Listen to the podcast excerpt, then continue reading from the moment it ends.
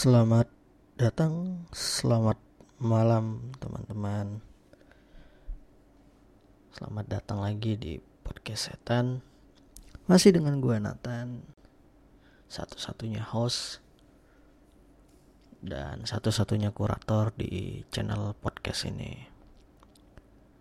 Wah, gila ya, nggak berasa kita udah masuk uh, bulan puasa lagi gimana puasa kalian hari pertama? Dengan ketidakjelasan uh, kapan selesai corona ini? Belum lagi masalah mudik dilarang PSBB diperpanjang. Kalau di Jakarta itu PSBB-nya sampai 22 Mei teman-teman. Jadi kalau kita asumsikan lebaran itu 24 Mei berarti selama sebulan ini bulan Mei itu ya kita ngangkur sebenarnya. Ya disuruh kerja dari rumah ya gitu sih lebih tepat ya ya tapi apa pun itu ya udahlah ya. Informasi yang bisa dipercaya bukan dipercaya sih. Informasi yang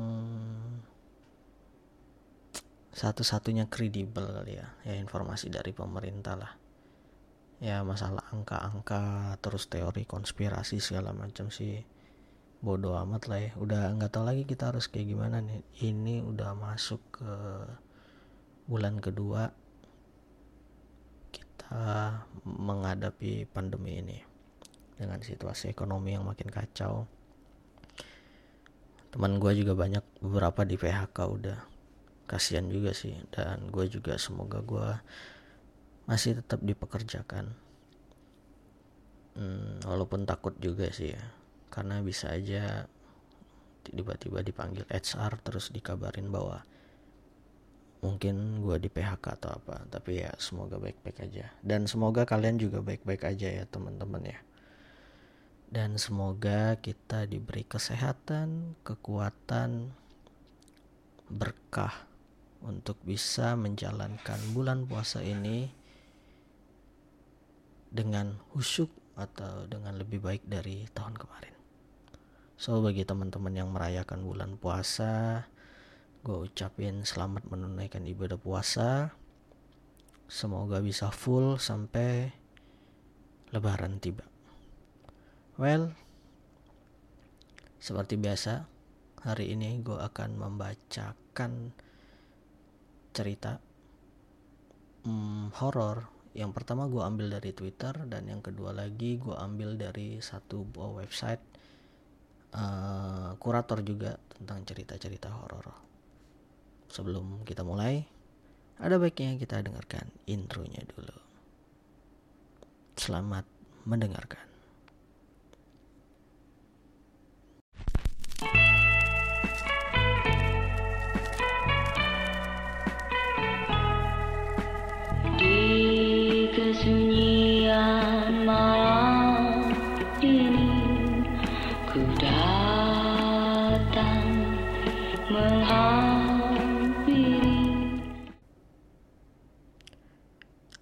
Cerita yang pertama ini gue ambil dari Twitter dengan narasumber usernya itu @arangga underscore Arya.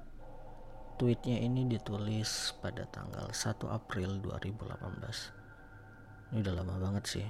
Uh, sudah di retweet, uh, di retweet, retweet sebanyak 11.000 dan di likes sebanyak 16.000 ini berarti di 2018 cerita ini pasti viral sih. Well gue langsung ceritain tanpa gue pilih-pilih tweetnya gue baca dari awal. Dengan judul apa nih? Pocong ririn. Kalian pasti pernah melihat penampakan entah secara langsung atau di video Penampakan itu biasanya ya emang makhluk halus. Lalu, apakah kalian pernah lihat manusia yang masih hidup berubah jadi pocong? Ini pernah benar-benar terjadi. Saya saksi hidupnya. Ini Mas uh, Mas Arya ini disclaimer ya. Dia bilang gini, ada baiknya kalian tidak terlalu serius saat membaca ini. Jika merasa bahwa pengalamanku ini sangat menakutkan, Anggap saja ini berita bohong dan gak pernah benar-benar terjadi. Anggap ini hanya sebuah cerita dongeng pengantar tidur. Di sini Pak Arya masih muda dan imut-imut gitu.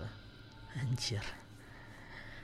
Seperti gua, seperti kata gua di awal tadi, gua mau ceritain pengalaman gua waktu gua jadi tour guide pendakian ke Gunung Salak, di mana salah satu orang yang gua kawal itu jadi pocong. Gue nggak pakai gambar-gambar gitu, memang nggak ada dokumentasinya. Dan bisa kalian bayangkan sendiri bentuknya. Februari 2008 Waktu itu gue masih kelas 2 SMA Sebetulnya waktu itu sekolah gue lagi siap-siap mau studi tour ke Jogja. Sayangnya gue gak ikut Soalnya gue gak punya biaya. Waktu itu biaya ke Jogja sekitar 400 atau 500 ribu. Betul Gue orang yang gak mampu Sebelum berangkat ke Jogja, pernah kumpul di kelas, di masing-masing kelas. Gue jadi bahan bulian anak-anak. Karena di kelas gue, cuman gue satu-satunya orang yang gak ikut ke Jogja. Wali kelas gue pun ngeledek gue. Harusnya kamu nabung dari dulu.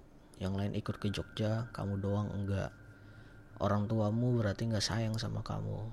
Seisi ruangan ngetawain gue. Hati gue sebetulnya hancur diledek kayak gitu. Gue marah, gue kesel gue pengen berhenti sekolah aja. Tapi gue coba kuat. Gue coba bertahan. Gue maksain senyum padahal gue pengen banget nangis. Kesel gue mereka nggak tahu keadaan gue kayak gimana. Waktu itu gue tetap berangkat sekolah walau nggak dikasih uang jajan. Anak-anak juga sering ngeledek gue karena gue nggak pernah ikut ke kantin. Keadaan orang tua waktu itu sulit banget. Sam sampai kita sekeluarga jarang makan dari situlah gue mulai puasa Daud. Awalnya memang bukan karena mau ibadah, tapi karena kelaparan, ya mending gue puasa. Kasian, kasian banget nih Pari. Di saat anak-anak yang lain kalau pulang sekolah pada main, gue udah mulai kerja. Kerja ini itu uangnya buat nyokap sama adik perempuan gue. Kalau ada sisa, gue suka kumpulin buat bayar SPP atau bayar buku LKS. Waktu SMA, gue nggak pernah bawa tas. Semua buku gue taruh di bawah meja. Gue cuma punya satu sepatu, udah rusak juga. Sering gue ke sekolah pakai sendal. Kaki gue perban biar ada alasan nggak pakai sepatu. Padahal gue nggak kenapa-napa. Yang betul itu sepatu gue belum kering dan rusak. Waktu SMA gue cari uang dari jualan kantor plastik koran, ojek payung, jual kembang, kuli panggul, ngumpulin gelas aqua. Semua gue lakuin yang penting dapat uang. Nah, di hari keberangkatan study tour ke Jogja, sekolah kan libur. Gue kerja di pasar. Gue jadi puli panggul. Pas gue lagi sibuk panggul terigu, ternyata ada kakak kelas gue yang lihat. Dia cewek, dia nyamperin gue lalu nanya, Arya lagi ngapain? Arya nggak ikut ke Jogja. Nanti malam Arya ke rumah kakak. Ini alamatnya. Ini nomor HP kakak. Ini ongkosnya. Arya ke rumah ya. Selesai kuli di pasar. Selesai kuli di pasar, gue belanja sayuran sama beras buat di rumah. Gue pulang cuman buat ganti baju doang. Gue langsung ke rumah kakak kelas gue itu. Dia bilang kalau Arya butuh apa-apa bilang ke kakak ya. Nah, di situ gue ketemu sama abangnya dikenalin terus ngobrol deh kita. Abangnya bilang Arya tetap semangat sekolah yang bener nanti keluarga kita pasti bantu. Oh iya Arya mau ikut ke Gunung Salak nggak? Abang ada kerjaan Arya temenin abang. Intinya gue dapat kerjaan jadi tour guide ke Gunung Salak. Bayarannya 500 ribu untuk 4 hari 3 malam. Subuh gue pulang bawa perlengkapan, paginya langsung ke rumah si abang lagi kita ketemuan sama anak-anak yang mau ke gunung itu di Lido. Total ada 9 orang. Gua berdua sama si abang yang punya acara. Ada tujuh orang. Empat cowok, tiga cewek. Orang dalam kurung orang Jakarta. Waktu itu badan gua kecil. Gue jadi tukang bawain logistik. Meskipun berat, gue paksain demi uang. Sesekali cewek-cewek yang ikut rombongan tanya, Arya berat gak? Gua senyum sambil bilang, udah biasa kak. padahal berat banget itu. Singkat cerita kita nyampe gunung jam 5 sore. Langsung bikin tenda soalnya udah gelap. Selesai bikin tenda gua nyari kayu bakar buat api unggun nanti malam. Di malam pertama kita semua sembilan orang kumpul mengelilingi api unggun. Semua senang-senang main gitar bakar jagung juga minum bandrek. Oh iya di rombongan itu gua yang paling muda Gua 17 tahun waktu itu. Sementara yang lain umurnya 23 sampai 25. Abangnya kakak gelas gua yang paling tua. Di malam itu kita bikin game peraturan ya. Semua harus jawab jujur dengan pertanyaan yang diberikan. Kalau nggak mau jawab, hukumannya muka dicoret pakai spidol. Game dimulai, botol diputar. Oh ini kayak ini ya, kayak game apa tuh? truth and dare gitu lah.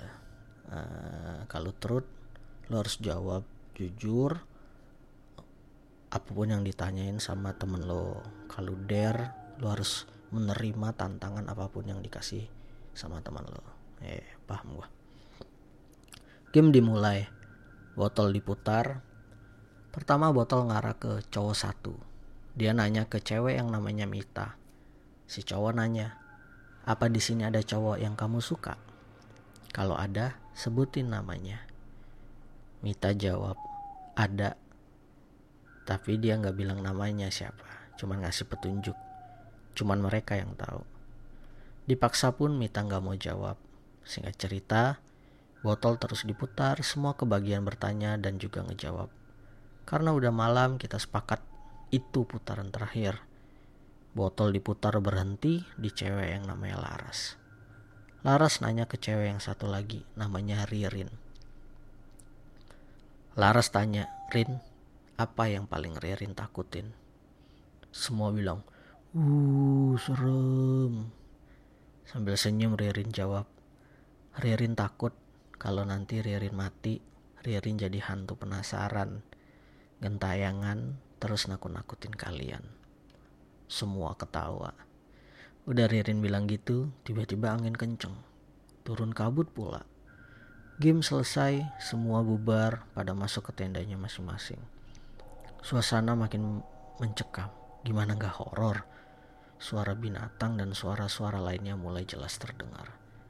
Singkatnya, itu malam jadi malam yang bikin tidur jadi gak tenang. Di malam keduanya, keanehan mulai jelas terasa. Waktu itu Riri nyariin mantelnya. Dia tanya, ada yang lihat mantel Ririn nggak? Dicari kok nggak ada ya. Semua cewek masuk ke tenda nyari mantelnya Ririn. Tapi mantel nggak ketemu-temu juga. Terus Ririn bilang, aduh itu mantel kesayangannya bapak. Ririn belum minta izin sama bapak. Kalau hilang gimana? Semuanya ikut nyari, semuanya semua tas diperiksa, semua sudut tenda diperiksa. Tapi tetap aja nggak ketemu. Karena udah malam juga, semuanya sepakat besok pagi mau nyari lagi. Semua pada istirahat. Di sana kita bikin tiga tenda. Tenda pertama sebelah kiri itu gua sama si abang. Tenda cewek di tengah dan tenda cowok paling kanan. Di saat yang lain masuk tenda, gue nggak tahu mereka udah tidur apa belum. Gue sama si abang ngobrol. Lagi asik ngobrol, si abang lihat sesuatu. Terus nanya ke gue, Arya, abang nggak salah lihat kan?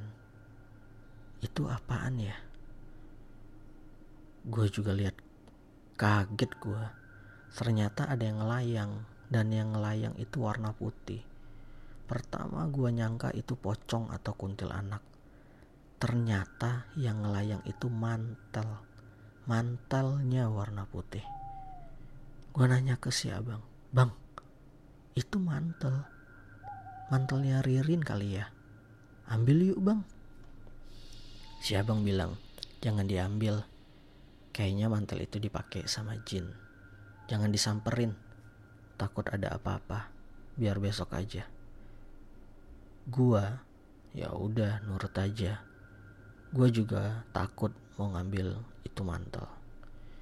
Itu mantel ngelayangnya lumayan lama. Gua sama si abang ngeliatin aja terus tapi nggak berani ngambil. Mantel sempat muterin tenda cewek lalu hilang gitu aja nggak tahu ke mana tuh mantel perginya. Si abang gemetaran ngomong aja nggak jelas apalagi gua takutnya kayak gimana tahu. Si abang bilang Arya baca doa. Abang tidur duluan ya. Arya jaga sampai jam 2 kalau ada apa-apa bangunin abang. Gua sama si abang gantian ronda. Gue yang jaga pertama.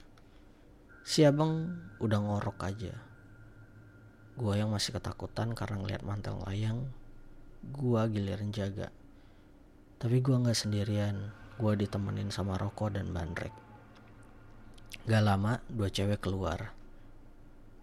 Ririn sama Laras. Mereka pengen kencing katanya. Minta antar.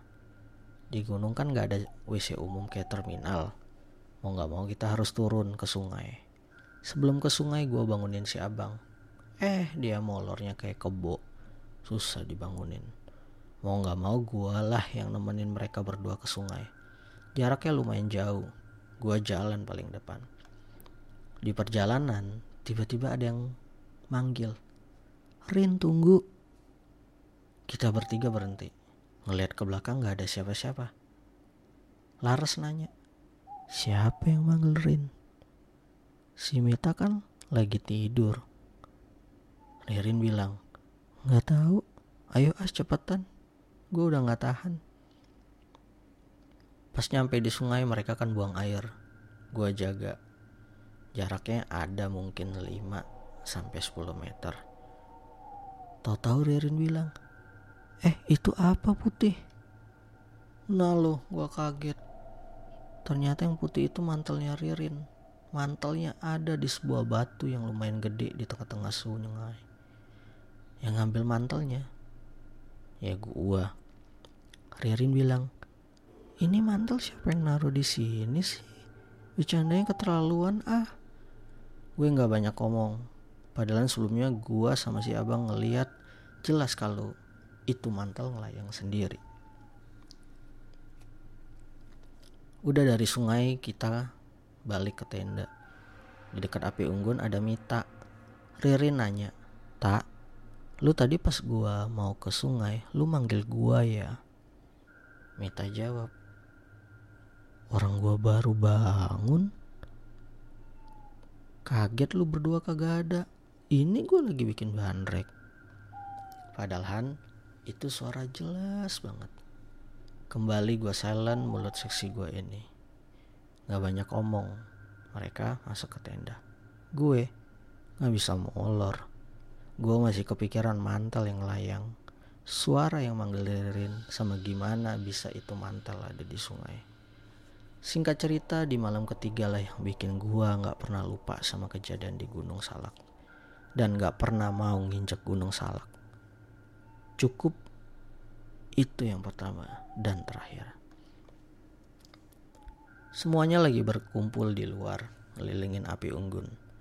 Kita berbagi cerita sambil menikmati kopi, wedang jahe, dan singkong bakar. Gak kerasa udah jam 2. Nah, Ririn bilang, dingin banget ya. Tunggu, aku mau pakai mantel dulu. Dia masuk ke tenda. Awalnya gak ada yang aneh. Semua terkejut pas Ririn tiba-tiba ngejerit. Kita semua ke situ kan, ke tendanya cewek. Di dalam tenda, Ririn kayak yang kesurupan. Dipegangin sampai banyak orang tapi semuanya pada nggak tuh, nggak kuat nahan. Tenda sampai rusak. Ririn teriak, lepasin, lepasin. Dia ny dia nyoba ngelepasin mantelnya, tapi nggak bisa lepas-lepas juga. Kita semua bingung, kita semua panik gua apalagi Ririn loncat-loncat kayak pocong kita kejar. Dia loncatnya jauh. Dia nangis sambil bilang tolongin bu kami tolongin tolongin. Bukain mantelnya. Terus dia loncat ke salah satu pohon. Pohonnya lumayan tinggi. Dia coba di dia duduk di pohon sambil nangis bilang tolong lepasin tolongin Ririn si abang coba manjat pohon dibantu sama cowok-cowok yang lain. Belum juga naik Ririn dikit-dikit berubah jadi pocong. Sampai sekarang gue masih kebayang. Kejadiannya cepet banget. Gue takut. Gue juga bingung gimana mungkin orang tiba-tiba jadi pocong. Semuanya panik. Semuanya pada berdoa tapi masalah nggak berhenti gitu aja. Mana Ririn yang udah jadi pocong nangis. Terus tolongin Ririn, tolongin Ririn. Kita bingung tolonginnya gimana. Ceweknya kan tinggal dua. Mita pingsan. Laras terus-terusan nangis sambil manggil Ririn yang udah jadi pocong. Rin, nyebut Rin, istighfar. Ririn turun. Pokoknya suasananya kacau walau. Yang cowoknya juga pada bingung. Mita pingsan, Laras nangis, Ririn udah jadi pocong beneran. Lagi panik, eh api unggun mati. Center semua nggak ada yang bisa nyala, gelap total. Ririn yang udah jadi pocong, nangis terus minta tolong. Lama kelamaan pocong itu hilang. Tahu-tahu ada lagi hilang lagi ada lagi pindah-pindah tempat gak berhenti berhenti nangis. Semua makin panik semakin takut. Waktu itu gue juga nangis. Gak lama Mita sadar terus bilang pengen pulang kenapa Ririn jadi gitu? Kita bingung di situ kita mutusin buat turun gunung. Mau nyari bantuan ngeberesin semua perlengkapan di dalam gelap ya malam. Jam 3 atau jam 4 pagi kita turun gunung. Perjalanan turun gunung pun bikin gue takut. Gue juga terus-terusan nangis. Gimana gak nangis? Pocongnya ngikutin terus. Tapi dia ngelayang dari pohon ke pohon lain. Sambil nangis dia bilang, jangan tinggalin Ririn. Ririn ikut pulang. Tolongin Ririn. Mita sama Laras nangis terus-terusan sambil mereka ngomong kasihan Ririn tolongin Ririn apa? Jangan ditinggalin kasihan. Ya kita mau nolong gimana? Dia jadi pocong dikejarnya susah nggak tahu caranya. Sehingga cerita kita udah di perkampungan salah satu HP bunyi HP-nya Ririn. Ya karena ada baru signal. Yang telepon ternyata bapaknya Ririn nanyain posisi di mana di situ gue dengar bapak yang ngomong mana Ririn? Kalian ke gunung ya? Bilangin ke Ririn jangan pakai mantel bapak. Yang terima teleponnya Laras. Laras bilang pak nggak tahu kenapa Ririn tiba-tiba jadi pocong. Kita nggak tahu nolonginnya gimana. Bapaknya Ririn marah anjing kasih tahu saya alamatnya saya ke sana sekarang harusnya hari itu anak-anak camping udah pulang ke Jakarta. Tapi kita kumpul dulu di rumah si abang. Nungguin bapaknya Ririn datang.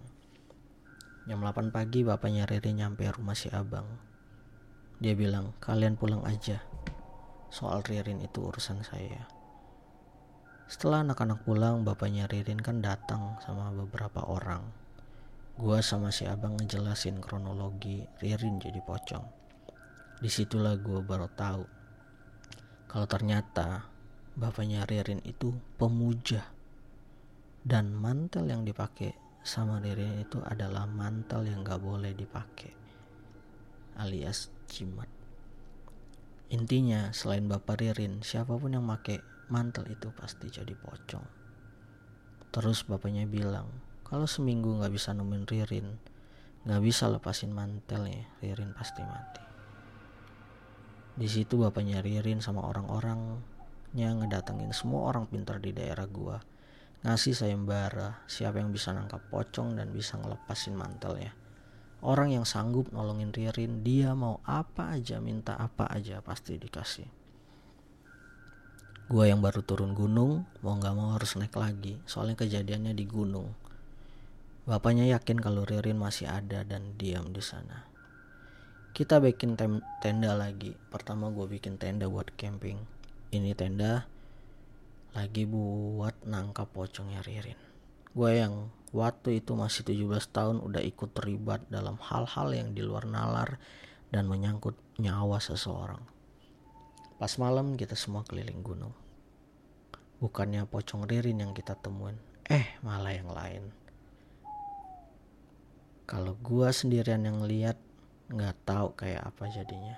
Gue lihat kayak kakek kakek tubuhnya tinggi bener. Hampir setinggi pohon yang ada di gunung. Gue meremin mata karena gue nggak tahan lihat ukurannya. Tangannya megang-megang kayu gitu. Gue juga denger kakek yang badan tinggi itu suaranya ngeraung-raung gitu. Dia komunikasinya sama orang pintar yang dibawa sama bapaknya Ririn Gue yang merem dibilangin sama orang pintar. Arya jangan merem. Dia penjaga gunung marah. Soalnya Arya merem. Kalau Arya takut buka mata aja tapi ngelihatnya ke bawah. Si kakek itu marah karena dia bilang kalau gue nggak sopan gak mau lihat mukanya. Yang bener aja tuh kata gue. Gue buka mata liatin tanah. Gue nangis kayak anak kecil nggak bisa nahan takut. Komunikasi orang pintar sama makhluk penjaga gunung lumayan lama. Udah selesai orang pintar yang ngerangkul. Gua sambil bilang udah jangan nangis udah nggak ada. Saya lupa nutup mata bantin Arya. Dari situ rombongan kan kumpul. Gua denger obrolan orang pintar sama bapaknya Ririn. Ternyata Ririn diusir dilemparin sama penjaga gunung.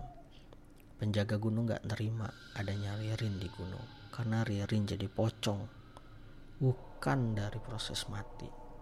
Ririn hidup di dua alam. Mereka bingung mau nyari Ririn ke mana.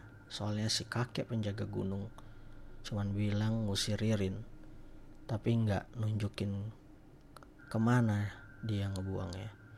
Kita turun gunung sambil berharap ada info dari orang pintar lainnya. Ternyata benar aja. Pas kita semua turun gunung, ada info dari orang pintar bahwa beberapa kampung di daerah gua banyak laporan waktu malam mereka lihat ada pocong keliaran nangis minta tolong. Kadang suara tangisannya aja yang kedengeran, tapi pocongnya nggak ada. Orang-orang kampung bilang mereka pada takut, meskipun bayarannya gede. Ya tetap aja, nangkap pocong bukan hal gampang berani aja nggak cukup. Harus punya ilmu tertentu. Sementara itu waktu mau habis kalau nggak cepet-cepet ketemu Ririn pasti mati terus nggak diterima bumi. Gua mau nggak mau tiap malam ikut bapaknya Ririn nyariin pocong ke kampung-kampung. Nah tepat di malam ketujuh malam terakhir nasibnya Ririn Bapaknya Ririn dapat info kalau di salah satu kampung ada pocong nangis di atas genteng di rumah warga. Kita semua langsung ke situ. Di kampung itu, warga pada nggak berani nyamperin, cuman ngeliat dari jauh. Ada beberapa ustadz yang nunggu di rumah itu. Karena yang punya rumah tempatnya pocongnya Ririn diem. Pada ketakutan. Ada jam 11 malam kalau nggak salah Nangkap pocong Ririn juga susah. Orang pintar yang mau nangkapnya kan naik ke genteng. Pas mau ditangkap, eh pocongnya loncat, lalu hilang gitu aja. Tapi masih di sekitar rumah itu juga. kayak ini, kayak apa? Apa sih namanya tuh kalau lagi ngider ayam, mau nangkap ayam. Gue yakin sebenarnya Ririn itu minta tolong, minta dilepasin. Tapi pas ada orang yang mau ngelepasin dianya ngelayang sendiri. Bukan kemauan dia juga ngilang gitu. Gue datang ke kampung itu jam 11 malam. Pocongnya Ririn baru bisa ditangkap sebelum azan subuh. Susah juga nangkapnya. Butuh beberapa orang pintar sama ustadz juga. Pas dilepasin kainnya itu kain berubah jadi mantel lagi. Pocong itu kembali jadi Ririn lagi tapi dia telanjang badannya kotor bau busuk juga. Dia lemas banget dia aja masih nangis. Mantelnya dibakar terus Ririn dibawa ke rumah sakit. Hal yang paling horor juga pas mantelnya dibakar Ririn sempat kepanasan juga. Semuanya pada ikut berdoa. Waktu mantel dibakar angin tiba-tiba kenceng. Ada suara petir juga. Singkatnya Ririn dirawat di rumah sakit hampir empat hari gua ikut ngejagainnya Nyokapnya datang sama Laras, ibunya memeluk Ririn. Pada nangis semua. Nyokapnya Ririn marah ke suaminya. Mau sampai kapan sih ilmu-ilmu gitu? Gak kasihan lihat anaknya jadi gini. Mau sampai kapan? Mereka pulang tuh ke Jakarta.